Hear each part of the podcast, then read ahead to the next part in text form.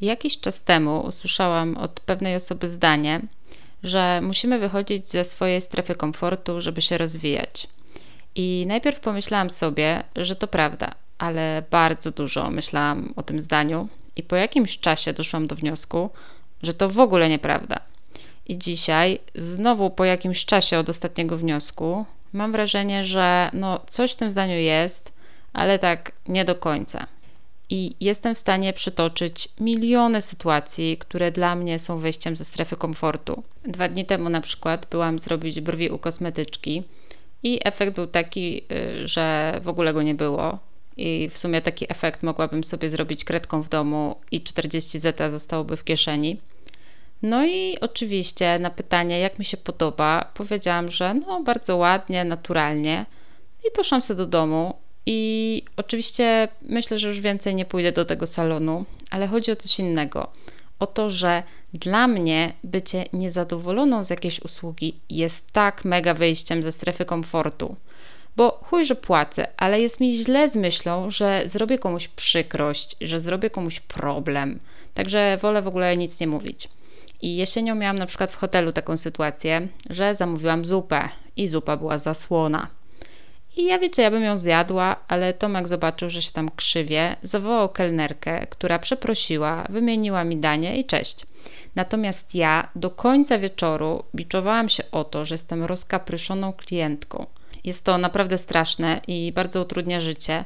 I może raz na kilka miesięcy zdarza mi się taki dzień, kiedy czuję się jak taka superwoman, kiedy jest we mnie odwaga, bojowość i wtedy walę prosto z mostu, że to mi nie pasuje, że to źle, ale generalnie dopominanie się o swoje jest dla mnie przejściem przez czyściec. I niestety również dotyczy to ważnych kwestii, takich jak pieniądze. Na przykład teraz próbuję wynegocjować zmianę umowy z wydawnictwem, co generalnie sprowadza się do tego, że powinnam im przesłać propozycję, a potem po prostu napierdalać mailami i telefonami, żeby się ustosunkowali. Ale ja tak bardzo nienawidzę tego robić, że wynajęłam prawniczkę, żeby robiła to za mnie i płacę jej wcale niemały hajs. I oczywiście ja wiem, że ogólnie lepiej, że robię to przez prawnika, ale i tak chodzi o to, że największym bólem w tej sytuacji jest to, że ja musiałabym kogoś o coś prosić, kogoś ścigać, wymagać, e, coś chcieć, chociaż no w sumie tak naprawdę to mi się należy. Więc nie polecam, bardzo utrudnia życie. I serio, ja przepracowałam 13 lat w mediach, z czego większość w newsach, i za każdym razem, jak miałam do kogoś zadzwonić, to zbierałam się pół godziny. Więc e, wiem już dzisiaj, dlaczego nie zrobiłam dziennikarskiej kariery, bo ja nie znoszę dzwonić do obcych ludzi.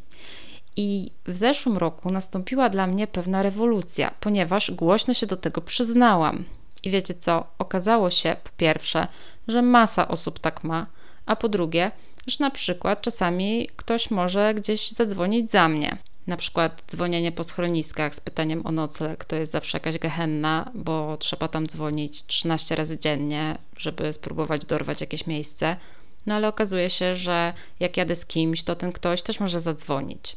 A po drugie, przeczytałam albo usłyszałam gdzieś taką historię o ludziach, którzy chcieli raz sobie zamówić pizzę, ale zamówienia były tylko przez telefon i wszyscy tak bardzo wstydzili się to zrobić, że w końcu w ogóle tej pizzy nie zamówili. Także no, pokrzepiające. Dziękuję za tę historię. I wyjściem poza moją strefę komfortu jest też nagrywanie Insta Stories. Zrobiłam to trzy dni temu i ogólnie niezbyt dobrze się z tym czułam, mimo że zrobiłam sobie jakiś tam makijaż, nałożyłam sobie filtr na twarz i nie wiem szczerze, jak to ludziom wychodzi tak naturalnie. Może to jest kwestia wprawy. I nie wiem, jak to jest, że nagrywają te stories tuż po przebudzeniu, prosto z łóżka i wyglądają super i jeszcze mówią do rzeczy. Więc e, nic dziwnego, że całe życie pracowałam w mediach po tej drugiej stronie, za kulisami i wolałam sobie w redakcji klepać w klawiaturkę, niż gdzieś tam słuchać uśmiechy do kamery. Miałam wprawdzie taką bardzo przelotną przygodę z pracą przed kamerą, ale to jednak chyba totalnie nie dla mnie. I w ogóle bycie na Instagramie też jest w pewnym sensie poza moją strefą komfortu, bo po pierwsze nie za bardzo tak lubię pokazywać swoją prywatność na zdjęciach. Po drugie, od razu czuję, że no, ja nie mam takich ładnych zdjęć, nie mam takich ładnych filtrów, że generalnie też to nie jestem ekspertką w żadnej dziedzinie, że tak nie do końca umiem w ten Instagram. No i do tego włącza się jakieś takie porównywanie, kto tam ma ładniejszą matę do jogi. I chociaż są osoby, które autentycznie lubię, szanuję, obserwuję i lubię oglądać ich stories, to bardzo cenię sobie takie dni, kiedy w ogóle nie zaglądam na social media, jestem odłączona, tylko wiecie, spaceruję sobie z psem, tam piekę ciasto, czytam książki. I chyba dlatego lubiłam zawsze pisać, bo za tekstem można się schować i w ogóle nie trzeba pokazywać swojej twarzy. I tak samo jest chyba z tym podcastem. Dla mnie to jest komfort, że nagrywam sobie tutaj w szlafroku, rozczochrana, coś tam sobie mówię, więc czuję się ogólnie bezpiecznie. Ale myślę sobie też, że moim największym i najdłuższym wyjściem ze strefy komfortu, i w sumie do dzisiaj nie wiem, jak mi się to udało, była praca pilotki wycieczek bo po pierwsze i najważniejsze jest to praca z ludźmi, praca z klientem, z którym się jest codziennie przez tydzień, przez calutki dzień i trzeba być po pierwsze zawsze miłym, po drugie zawsze cierpliwym, a po trzecie codziennie trzeba dzwonić w ileś miejsc, żeby potwierdzać rezerwacje i rozmawiać z obcymi ludźmi. A poza tym ludzie na urlopie to często jednak są zestresowani tak naprawdę, no i bywają też niezadowoleni, bo wycieczka nie spełnia ich oczekiwań a jedynym dostępnym przedstawicielem biura, na które można się poskarżyć, jest pilot. No i to mimo, że pilot nie ma wpływu ani w jakim hotelu śpimy, ani że na przykład w pokoju coś tam nie działa, ani że na zwiedzanie największego muzeum w Hiszpanii mamy godzinę. I do tego jest to taka praca, że trzeba być oczywiście mądrym, przekazywać sprawdzoną wiedzę, bo ludzie dzisiaj mają naprawdę Google ze sobą i są w stanie wszystko sprawdzić i jednak o danym miejscu trzeba coś wiedzieć i trzeba umieć o nim ciekawie opowiedzieć, ale z drugiej strony nie można być takim za mądrym. Czasami trzeba być trochę taką no, miłą Asią, taką, żeby ludzie dobrze się czuli, żeby nie czuli, broń Boże, że pilot ich jakoś traktuje z góry, bo czegoś tam na przykład nie wiedzą, e, albo że na przykład używa za trudnych słów. I serio nie wiem, jak tego dokonałam, ale dawałam radę i ludzie mnie dosyć lubili, chociaż będę powtarzać do końca życia, że praca z ludźmi jest naprawdę bardzo wymagająca i nie jestem jakoś tak na końcu tej osi, że najlepiej to byłoby mi całe życie siedzieć w norce i gadać tylko na slaku, bo no, mam takie zapędy trochę aktorsko-dydaktyczne. Zawsze chciałam być na przykład nauczycielką angielskiego. Więc to też nie jest tak, że boję się ludzi, czy boję się publicznych wystąpień. Nawet dosyć to lubię, ale praca pilota to jest też bardzo dużo takiego rozwiązywania problemów i trzeba po prostu lubić taką pracę z ludźmi. A ludzie trafiają się różni. I czasami zastanawiam się, czy mogłabym jeszcze kiedykolwiek być pilotką wycieczek, i myślę, że tak, ale to dlatego, że zalety tej pracy przeważyłyby nad utratą tego poczucia komfortu. Ale wracając do pytania z początku, czy faktycznie można rozwijać się tylko poza własną strefą komfortu? No ja w pracy pilotki na bank zyskałam plus 200 do asertywności, ale dla kontrastu 5 lat dzwonienia do tych wszystkich rzeczników yy, przy pracy w newsach w ogóle mnie nie rozwinęło i wprost przeciwnie, mam jeszcze większą niechęć do dzwonienia i wydaje mi się, że w pewnych sytuacjach ten stres związany z opuszczeniem bezpiecznego schronienia jest na tyle duży, że po prostu paraliżuje. I że jednak człowiek najlepiej rozwija się w okolicznościach, w których czuje się dobrze, w których czuje wsparcie, uznanie dla swoich pomysłów, jakąś dobrą energię, jakieś e, życzliwe osoby wokół, i wtedy będziemy się rozwijać. Ale też nie jest tak, że rozwój polega tylko i wyłącznie na wychodzeniu ze strefy komfortu. Natomiast wierzę, że raz na jakiś czas dobrze jest zrobić coś, czego normalnie się nie robi. Niekoniecznie po to, żeby od razu musieć się rozwijać, ale tak, żeby trochę świata zobaczyć i czegoś się o tym świecie dowiedzieć. No i dzisiaj na przykład dla wielu takim wyjściem do świata jest e, zwyczajna podróż pociągiem, którą potem niektórzy obszernie relacjonują na fejsie i jako takie zderzenie z prawdziwym życiem, ale w sumie to jest ok. Tak samo jak, nie wiem, pójście na bazar, albo pójście do urzędu, albo jazda do pracy autobusem, a nie samochodem, albo na przykład pójście na demonstrację. Ja jestem osobą, która nienawidzi tłumu, tłumu i hałasu.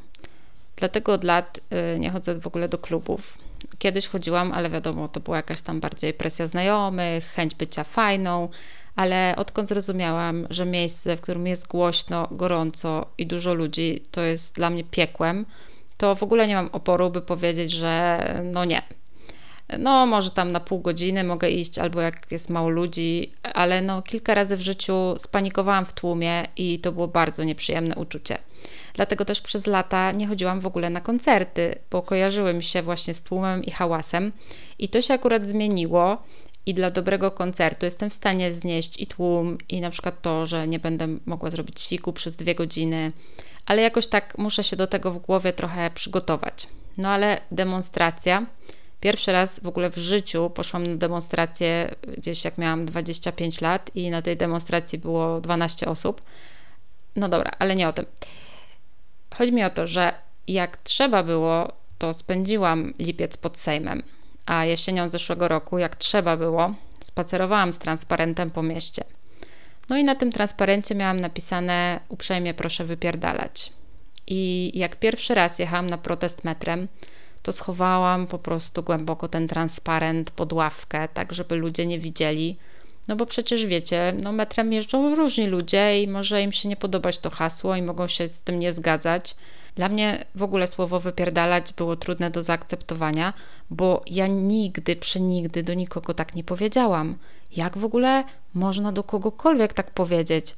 No tak to może mówiły jakieś tam, wiecie, chłopaki z bloków, ci, którzy byli tam ode mnie starsi, których się trochę bałam i z którymi w ogóle nie chciałam mieć do czynienia. I no do mnie ktoś kilka razy w życiu powiedział coś bardzo niemiłego, na przykład nazwał mnie głupią cipą albo jakoś inaczej mnie obraził. I ja nigdy nie odpowiedziałam agresją. Zawsze było tak, uszy po sobie, głowa w dół i po prostu nie ma mnie. I już raczej się wolałam rozpłakać niż odpyskować.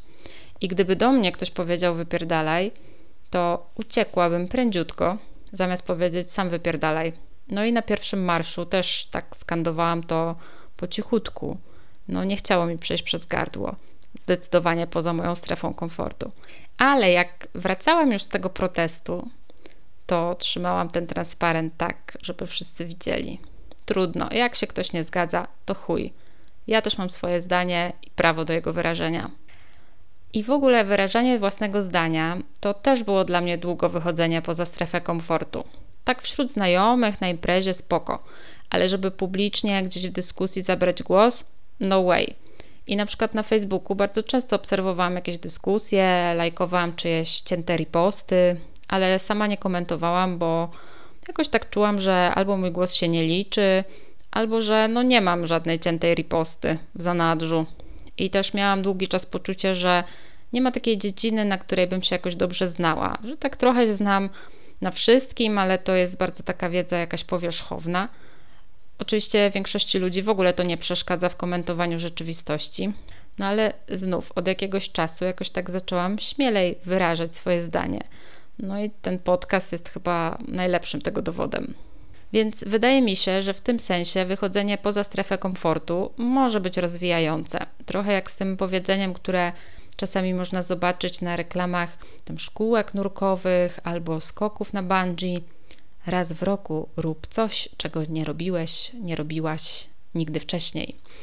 No i wydaje mi się, że nie trzeba od razu skakać ze spadochronem, ale właśnie chodzi o to, żeby zrobić coś, czego normalnie się nie robi.